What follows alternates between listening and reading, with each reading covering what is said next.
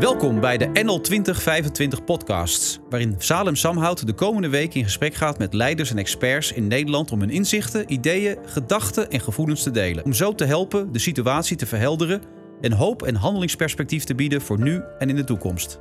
Samen maken we Nederland. Welkom allemaal in deze bijzondere corona-podcast. Mijn naam is Salem Samhout. Vandaag is mijn speciale gast Roger van Bokstel, voorzitter Raad van Bestuur van de Nederlandse Spoorwegen. Hoe is het met je, Roger, op dit moment? Nou, eigenlijk goed. Druk en af en toe bezorgd, maar, maar persoonlijk gaat het gewoon goed. Ik zit goed in mijn vel. Ik vind het ook wel gewoon een uitdaging van hoe gaan we met zo'n crisis om. Maak je je ook een beetje zorgen over je eigen gezondheid? Ben je voorzichtig? Ik ben natuurlijk lang een roker geweest, zeg ik maar. Ik ben nu vijf jaar geleden gestopt, dus eh, gerecupereerd. Eh, ik laat me ook altijd keurig checken. Maar ja, zo'n virus, wat ook met name op de, op de longen en de beademing een groot effect kan hebben. Ja, ik pas wel op. Ik merk ook eh, toen we hier binnenkwamen, die anderhalve meter is voor jou echt serieus. Ja, ik, ik, ik vind dat die. ofwel, je moet zeggen, ik heb een mondkapje op. Hè, en, en, en, maar dat hebben we tot nu toe niet. Die zijn ook niet overal te krijgen. Uh, maar uh, ja, mijn vrouw werkt in het ziekenhuis en die zegt ook, weet je, je moet er geen loopje mee nemen. Uh, dat is niet voor niks. dus dan denk ik, nou, kan maar beter gewoon een beetje prudent zijn. En dat vind ik wel lastig, want ik ben van nature een huidcontactmens. Ik vind het altijd ontzettend leuk om iemand een, een arm om de schouder of een, een, handklap of weet ik veel wat. Hè. En ja, dat kan nu allemaal even niet. Die anderhalve meter, hè, want we hebben het nu wat voor je persoonlijk betekent. Maar hoe zou dat in die treinen moeten gaan als het weer opstart? Mijn opvatting is dat die anderhalve meter in het openbaar vervoer eigenlijk gewoon niet houdbaar is.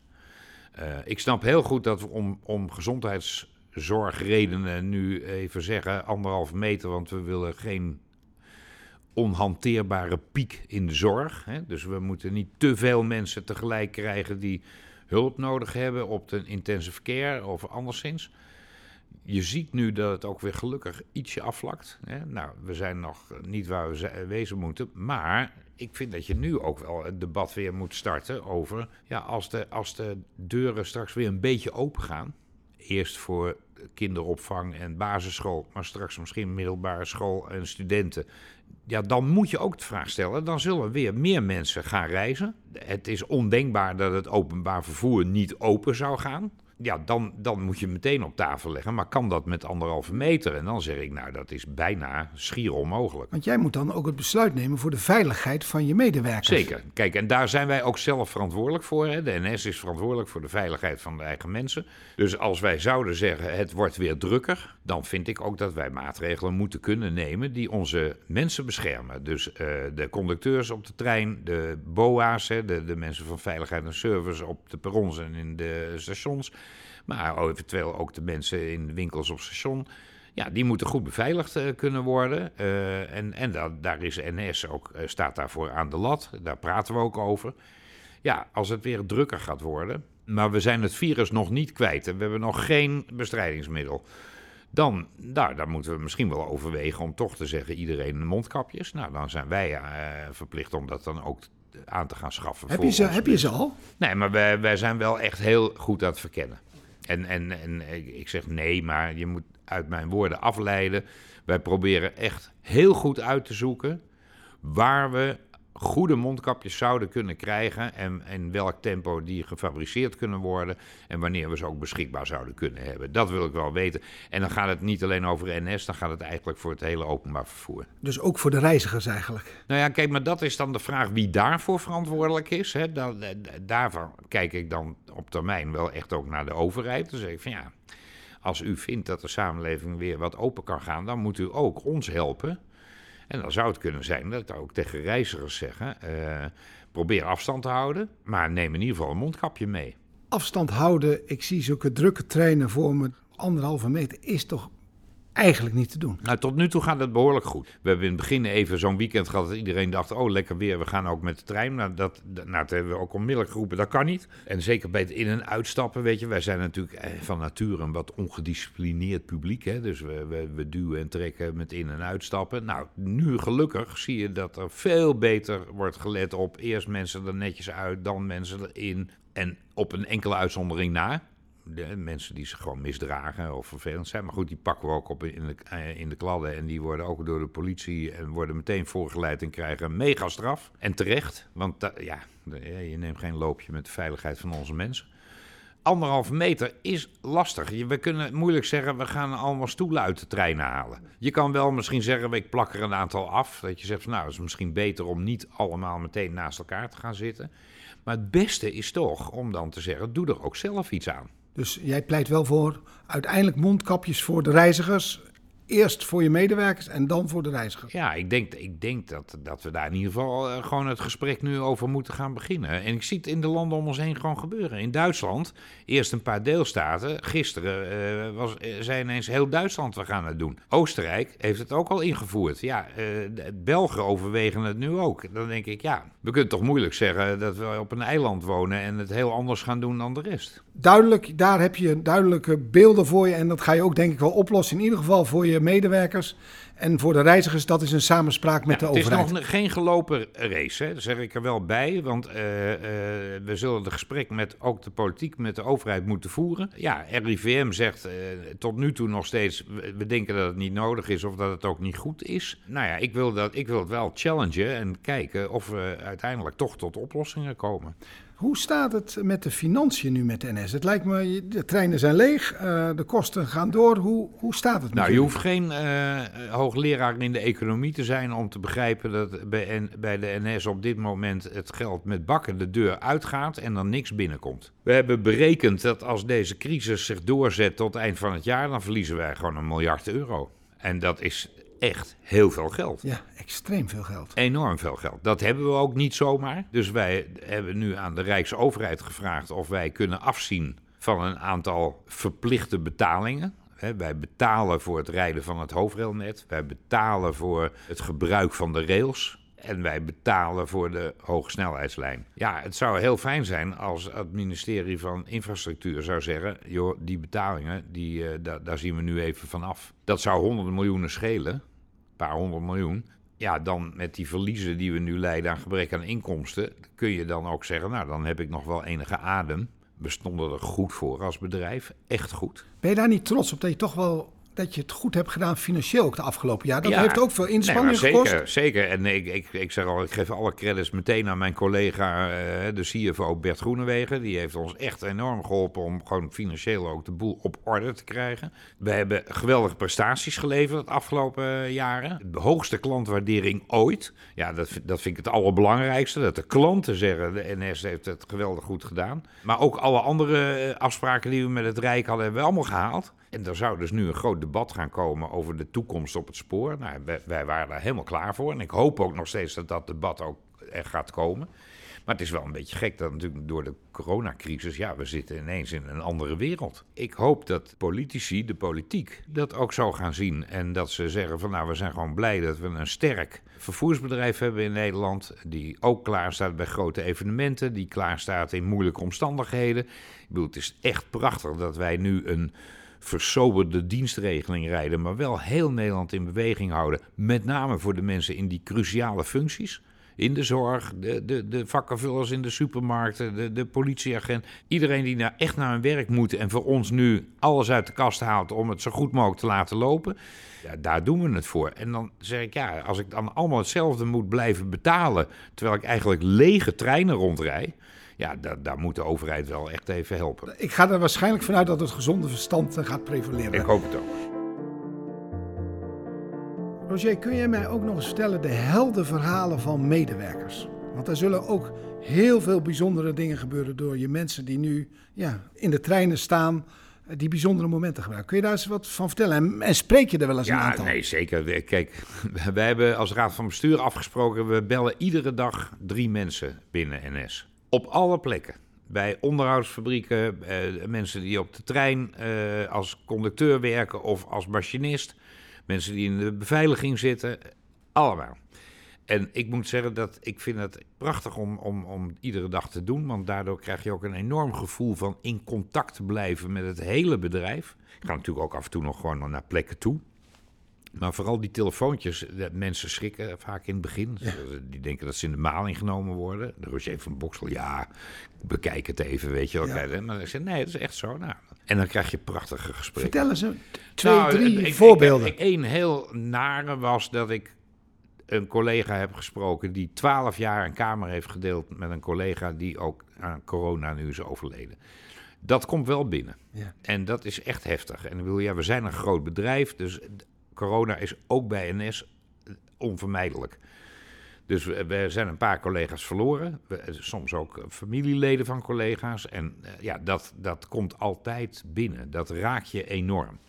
En zeker als je dan iemand aan de telefoon krijgt die zegt: Ik heb twaalf jaar een kamer gedeeld met betrokkenen. En ik kon niet eens naar de begrafenis. Omdat dat allemaal nu heel beperkt eh, eh, maar mocht. Ja, dat, is, dat, dat ben ik echt niet vergeten. Eh, dat, dat zit wel meteen in je geheugen.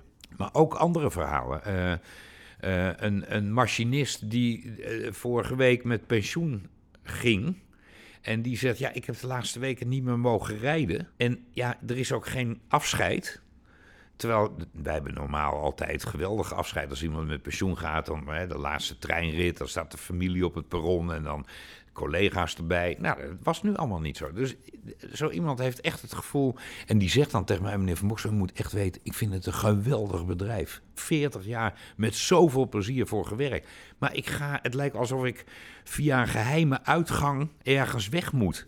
Ook dat, weet je, dat grijpt me wel aan. Dan denk ik, dat is... Ik spreek ook conducteurs die zeggen, weet je, het gaat eh, hartstikke goed, maar ik mis mijn klanten. Ja. Ik mis gewoon de reizigers in de trein. Want dat is waarom ik mijn beroep zo leuk vind. Het praatje, het lachen, het mensen helpen, de weg. En ik zit nu heel vaak in een lege trein. Een enkeling.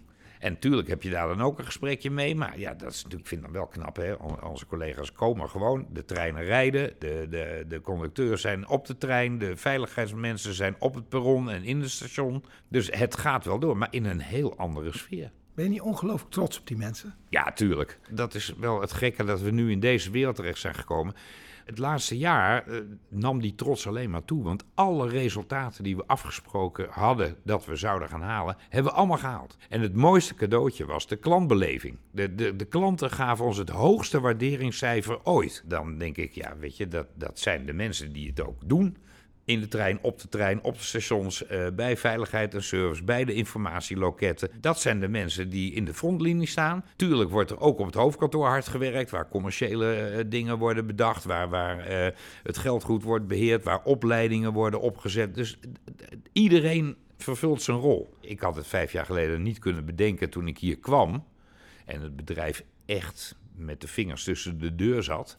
Na twee grote crisissen. Ik had niet gedacht dat we vijf jaar later nu zo zouden kunnen praten. Je vertelt zo mooi over hoe, je, ja, hoe de NS succes heeft, maar dat, dat heeft ook met leiderschap te maken. En eigenlijk, wat voor tips geef je aan je collega managers, leiders om nu in deze fase te doen? Nou, in de eerste plaats echt goed luisteren naar de mensen in de uitvoering. Die gewoon iedere dag toch met, eh, letterlijk met de kop in de wind staan. En eh, ja, vaak lege treinen, maar toch ook moeten bewaken. Wordt het niet te vol op sommige plekken in de spits? Doen we het echt voor de mensen die in de trein moeten zitten? Het is natuurlijk heel gek hè, dat je als vervoerder die het liefst zoveel mogelijk klanten wil, nu moet zeggen, eh, hou het beperkt. Maar goed, dat is één. Twee, het is ook ontzettend belangrijk om begrip te hebben voor de omstandigheden waarin andere collega's nu bijna permanent van thuis uit werken. En ik onderschat dat echt niet, want ik, ik ervaar het iedere dag. Hè. Ik zit iedere dag in, in telefonische vergaderingen met Teams of met Zoom of met eh, FaceTime. En, en ja, dan zie je af en toe een kind voorbij schieten. Of je hoort ergens lawaai op de achtergrond. Of iemand wil eh, online eh, ook zijn schoolactiviteit doen. Dat is niet eenvoudig. En als je dan bij wijze van spreken twee werkende ouders hebt, twee eh, werkende ouders thuis en een aantal kinderen hebt rondrollen, nou ja, dan moet je een goede acrobaat zijn om alle schotels draaiende te houden. En daar moet je dus ook begrip voor hebben. Je, moet aanvoelen in vergaderingen. Hoe zit iedereen erbij? Is iedereen relaxed, ontspannen? Is het soms even te veel? Dus ik begin heel vaak vergaderingen met echt te vragen: hoe is het met iedereen? En ook niet als praatje voor de vaak, maar echt te zeggen: joh, als we het is, zeg het gewoon. Hè? Als het even niet uitkomt, weet ik veel wat, dat je opent dat je dat veilig kan delen. Ja. Want dat, dat vind ik wel echt heel relevant. Nog een andere vraag die ik stel na de crisis. We zitten nu midden in de crisis, Ja. maar je moet er wel doorheen kijken. Ja. Wat voorspel jij de komende, nou na de crisis? Het kan zes maanden, negen maanden, twaalf maanden, achttien maanden. Dat kunnen we niet voorspellen. Maar als je door de crisis heen kijkt, wat zie je dan? Nou, weet je, ik probeer iedere dag in kranten en soms in eh, weekbladen ook wel beschouwingen te lezen over mensen die daar allemaal nog beter dan ik voor hebben doorgeleerd. En daar allerlei voorspellingen doen waarvan ik denk, ja, dat zou wel eens kunnen. Maar ik ben ook van de school dat ik, ik neem niks zomaar voor zeker aan. Als mensen heel stellig gaan beweren, nou, het werken wordt echt fundamenteel anders, want iedereen heeft nu ook gezien dat je veel vanuit huis kan. Weet je, wij zijn ook sociale wezens. En ik denk dat als straks je weer gewoon naar een plek kan waar je elkaar treft, dat dat ook weer gaat gebeuren. Mensen zoeken elkaar op, willen, willen contact, willen oogcontact. En ja, hoe goed Zoom of Teams ook is, het is toch ook gemankeerd.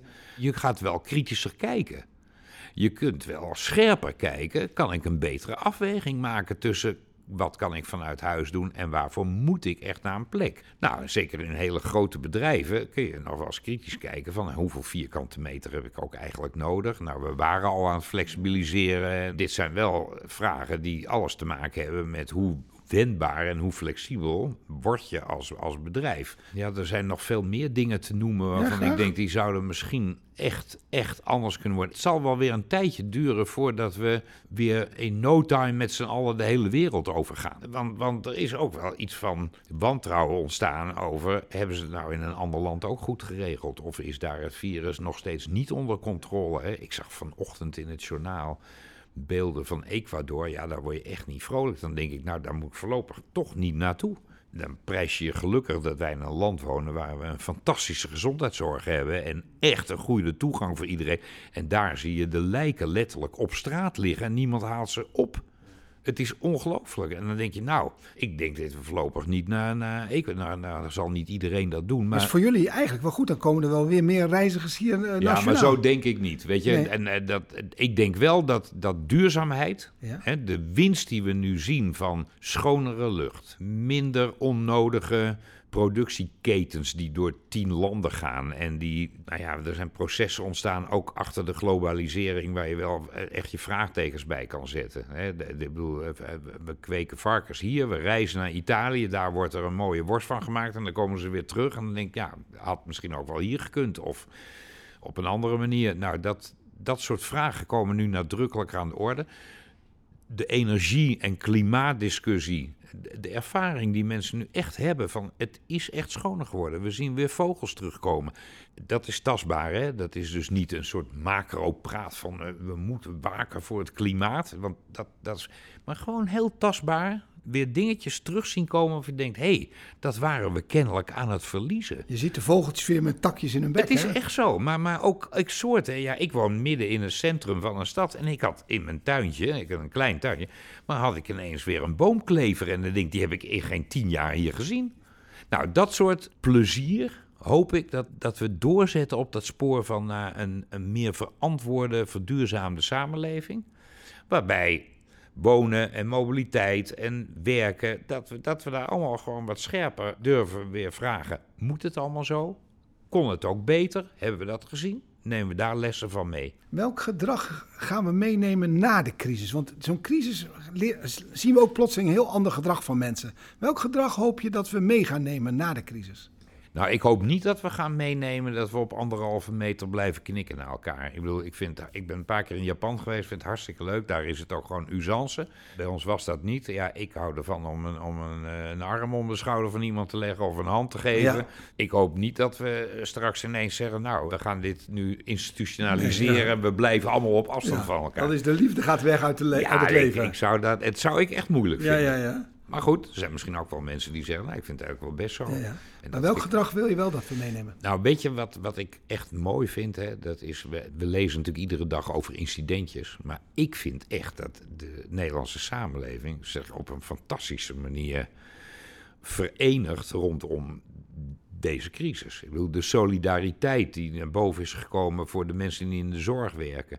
Echt ervoor opkomen de herwaardering van nou ja, wat deze mensen doen en wat hun inzet is. Het gevoelde gebrek nu aan cultuur. Ik hoop dat dat echt terugkomt, want, want het is echt verschrikkelijk. Dat al die mensen nu thuis zitten op een houtje te bijten. Vaak helemaal terug in de bijstand. We kunnen niet meer naar een theater. En, en natuurlijk zegt iedereen altijd café en een restaurant. Maar theater, kunst, het is allemaal alleen nog maar digitaal. Absoluut, dat is... En ik wil ook weer een keer in een zaal zitten. Of ik wil weer in een voetbalstadion zitten. Hè, gewoon lekker bij, uh, bij Ajax op de tribune. En of ze nou goed spelen. We zijn wel kampioen geworden, Roger. Ja, ja, maar ja. maar dat geldt dus ook. Ja, je weet, ik, ben, ik, ik mag in mijn vrije tijd voorzitter zijn van Amsterdam Sinfonietta. Wat een, een, een fantastisch muziekensemble is.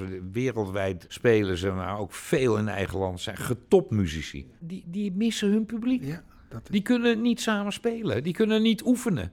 Dan denk ik, wat, wat gebeurt hier? Ik hoop dat dat we de waarde daarvan, de, de, herwaardering, misschien wel, de nog meer waardering, dat we die meenemen uit deze crisis. En straks een zucht van verlichting slaken als we weer wel dit soort dingen gezamenlijk mogen gaan ervaren. En welk gedrag zou je binnen NS uh, nog willen zien na de crisis? Wat wil je meenemen? Ik had, moet je eerlijk zeggen, ik had helemaal niet veel te klagen al voor de crisis. Want, want ik vond de losverbondenheid van alle verschillende onderdelen op elkaar al enorm toegenomen. De eilandbeleving was een beetje weggeraakt.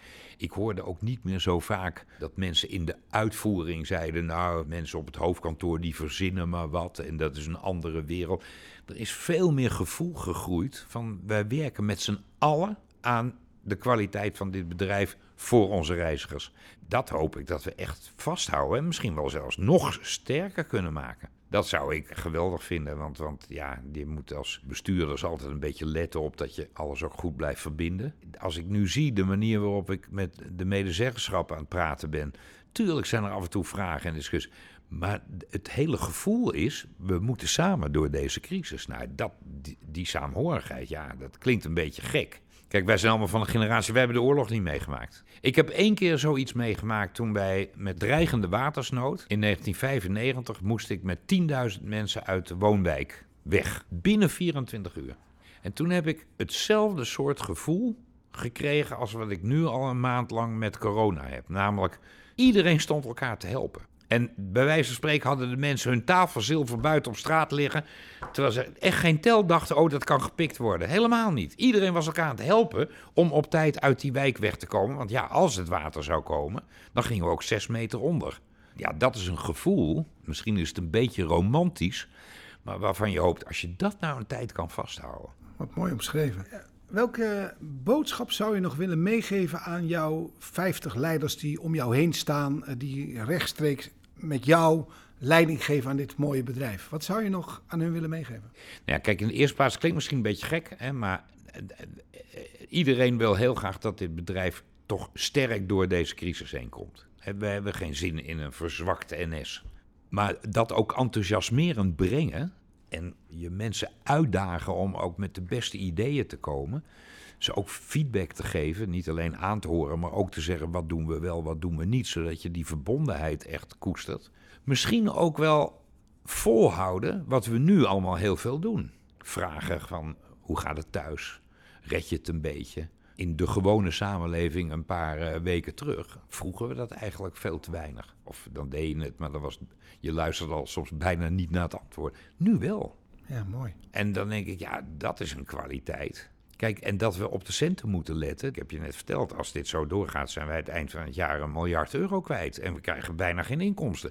Ja, dat besef, dat heeft echt iedereen. Iedereen hè, hier nu met een vaste baan die weet, we doen ons stinkende best om iedereen bij de NS te houden. Daar is alles op gericht. Maar mogen we dan ook gewoon die verantwoordelijkheid hebben van het moet ook echt efficiënt. En het, het is niet meer zo dat de bomen eh, zomaar tot in de hemel groeien.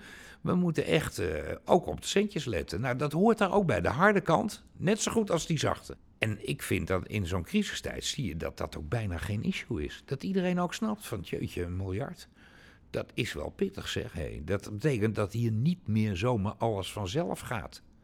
Dat ik, net als thuis, echt ook over de portemonnee moet nadenken van mijn bedrijf. Ja, dat hoort er wel bij. Nou, daar wordt uiteindelijk het bedrijf veel beter van als je het zo omschrijft. Meer aandacht voor elkaar, efficiënter gaan, op, je, op je centen passen. Uiteindelijk worden jullie veel sterker, denk ik dan. Ik denk het, ik, ik denk het wel. Ik denk dat, dat heel veel mensen hier krachtig van worden. Ik zie nu ook al leiders opstaan. Hè. De, de, de, de eerste weken moest je natuurlijk heel snel crisismanagement voeren. Ik zag collega's echt opstaan. Ah, mooi. Ja, echt geweldig. En, en of het nou op, in stationsmanagement was, of in de dienstverlening, of het rooster maken. En daar word je dan ook heel blij van. Dat je denkt, poeh, ik hoef het niet allemaal zelf te verzinnen. Mensen zijn gewoon meteen het groeien aan het doen. Waarin ben je voor jezelf, dus we gaan naar Roger zelf terug, zeg maar. Waarin ben je voor jezelf positief verrast over jezelf? En waar ben je zelf tegen aangelopen en zegt, nou Roger, dat heb ik hier toch wel uit geleerd. Of had ik anders kunnen doen? Er zit een positieve en een negatieve kant aan. Zo'n crisistijd maakt toch wel dat je weer met, ook zelf, met gekwadrateerde adrenaline bestuurt. Omdat je zo dicht op de uitvoering wil zitten, omdat je tempo moet maken. En of het nou gaat om het zoeken naar besparingen, of zorgen dat je de, de veiligheid van je mensen goed geregeld hebt, of dat je het spel met Den Haag goed moet spelen. Het spel bedoel ik dan niet als een spelletje, maar echt gewoon de, het onderhandelen. Ja, dit, je staat gewoon de hele dag aan. Ik, ik merk echt wel dat ik al vier weken lang sta ik echt de hele dag aan. Ja. En, en vaak tot s'avonds laat. En, en het begint alweer heel s ochtends vroeg. Dus het is weinig slapen en aan. Wat ik echt voor mezelf ook moet leren is schaal ook af. Blijf ook kijken thuis. Hoe gaat het met je vrouw? Hoe gaat het met je kinderen? Ben je daar ook nog ontvankelijk voor? Of ben je echt alleen maar met het bedrijf bezig? Nou ja, daar, daar, moet ik ook af en toe mezelf wel kritisch toespreken. Kijk, mijn vrouw die zegt ook: Roger, we zijn nu samen aan het eten. Rot op met die telefoon. Ja. Ik zeg het maar zoals het is. Zo krijg ik het echt naar mijn hoofd soms. Ja, en dat ik me ook op betrap. Dat ik denk, ja, waarom zit ik nou de hele tijd te kijken op ieder bericht? Ik moet ook gewoon kunnen zeggen, dat doe ik dan wel over een uur. Weet je, de wereld vergaat niet binnen het uur. Nou, dat, daar moet ik zelf van leren. En wat, waarin ben je trots op wat je zelf hebt gedaan? Dus ik wil even leren waar je trots op bent. En zeggen, Roger, dat heb ik echt goed gedaan. Of dat krijg ik ook complimenten over. Kijk, gisteren heb ik het hele bedrijf toegesproken. Op een enkeling na heb ik van heel veel collega's echt ongelooflijk veel warmte teruggekregen. Wat een fijne toespraak. Hoe open, hoe eerlijk. Hoe uh, gewoon verteld waar het allemaal op staat. Maar ook de waardering uitgesproken voor wat onze mensen allemaal doen op alle plekken. Ja, weet je, daar ben ik dan ook blij, word ik blij van. Dat je zoveel respons krijgt van mensen die zeggen, zo, top hé. Weet je, ik, een leider heeft ook wel eens een compliment nodig in deze tijd. Nou ja, en dat doet ook goed. Ja. En ik ben ook heel blij als ik met een half woord tegen een collega soms iets kan zeggen. Ik denk, weet je, ook nu later, 100% vertrouwen, dat komt goed. Die gaat dat nu regelen. Heb je ook een foutje al gemaakt in deze crisis? Zeker. Stel één ding waar jou in je, dat denk nou, dat heb ik niet goed gelukt. En dat mag ook. Het kan wel eens zijn dat ik in een vergadering al zo weet hoe ik het wil hebben, dat ik soms een ander niet uit laat praten, omdat ik al begin bij te sturen. En dat is wel eens lastig, omdat je daarmee de suggestie wekt dat je die ander die verschrikkelijk goed zijn best heeft gedaan, het allemaal op orde, niet helemaal serieus naar inneemt. Terwijl ik denk, ja, laat nou eerst het hele verhaal komen. Zeg dan rustig waar je het eventueel wat bijgesteld hebt. Maar ja, weet je, als, als je tien uur achter elkaar aan de telefoon zit, dan, ja, dan moet ik me ook inhouden. Dus ik probeer mezelf ook echt nu heel vaak in vergaderingen te dwingen ook een soort lichtheid te houden. Af en toe een grapje, af en toe even ook jezelf niet serieus nemen. In de zin van, want wat dat geeft ruimte. Nou, dat is wel iets, daar moet je echt weer, echt weer op letten. Roger, hoe eh, is het nu met het opleiden van mensen? Hoe doe je dat nu? Nou, we hadden natuurlijk allerlei uh, opleidingsprogramma's, ook fysiek in klassen. Nou ja, je, op allerlei plekken. Amersfoort, eigen opleidingscentrum ook voor uh, de machinisten en de conducteurs enzovoort. Er gaat nu veel meer online.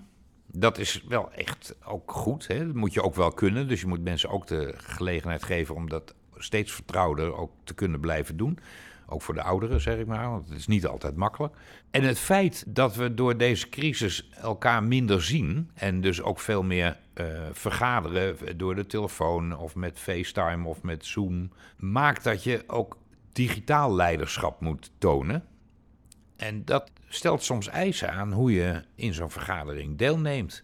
Kun je uh, ermee omgaan dat je af en toe jezelf op mute moet zetten? Kun je af en toe je eigen camerabeeld weghalen om kwaliteit overeind te houden van de hele vergadering? Time je je interventies goed? Je kan niet de hele tijd er tussendoor komen. Dus nou, dat zijn wel nieuwe vaardigheden die je kan ontwikkelen. die niet iedereen van nature heeft. Ik leer er zelfs nog van.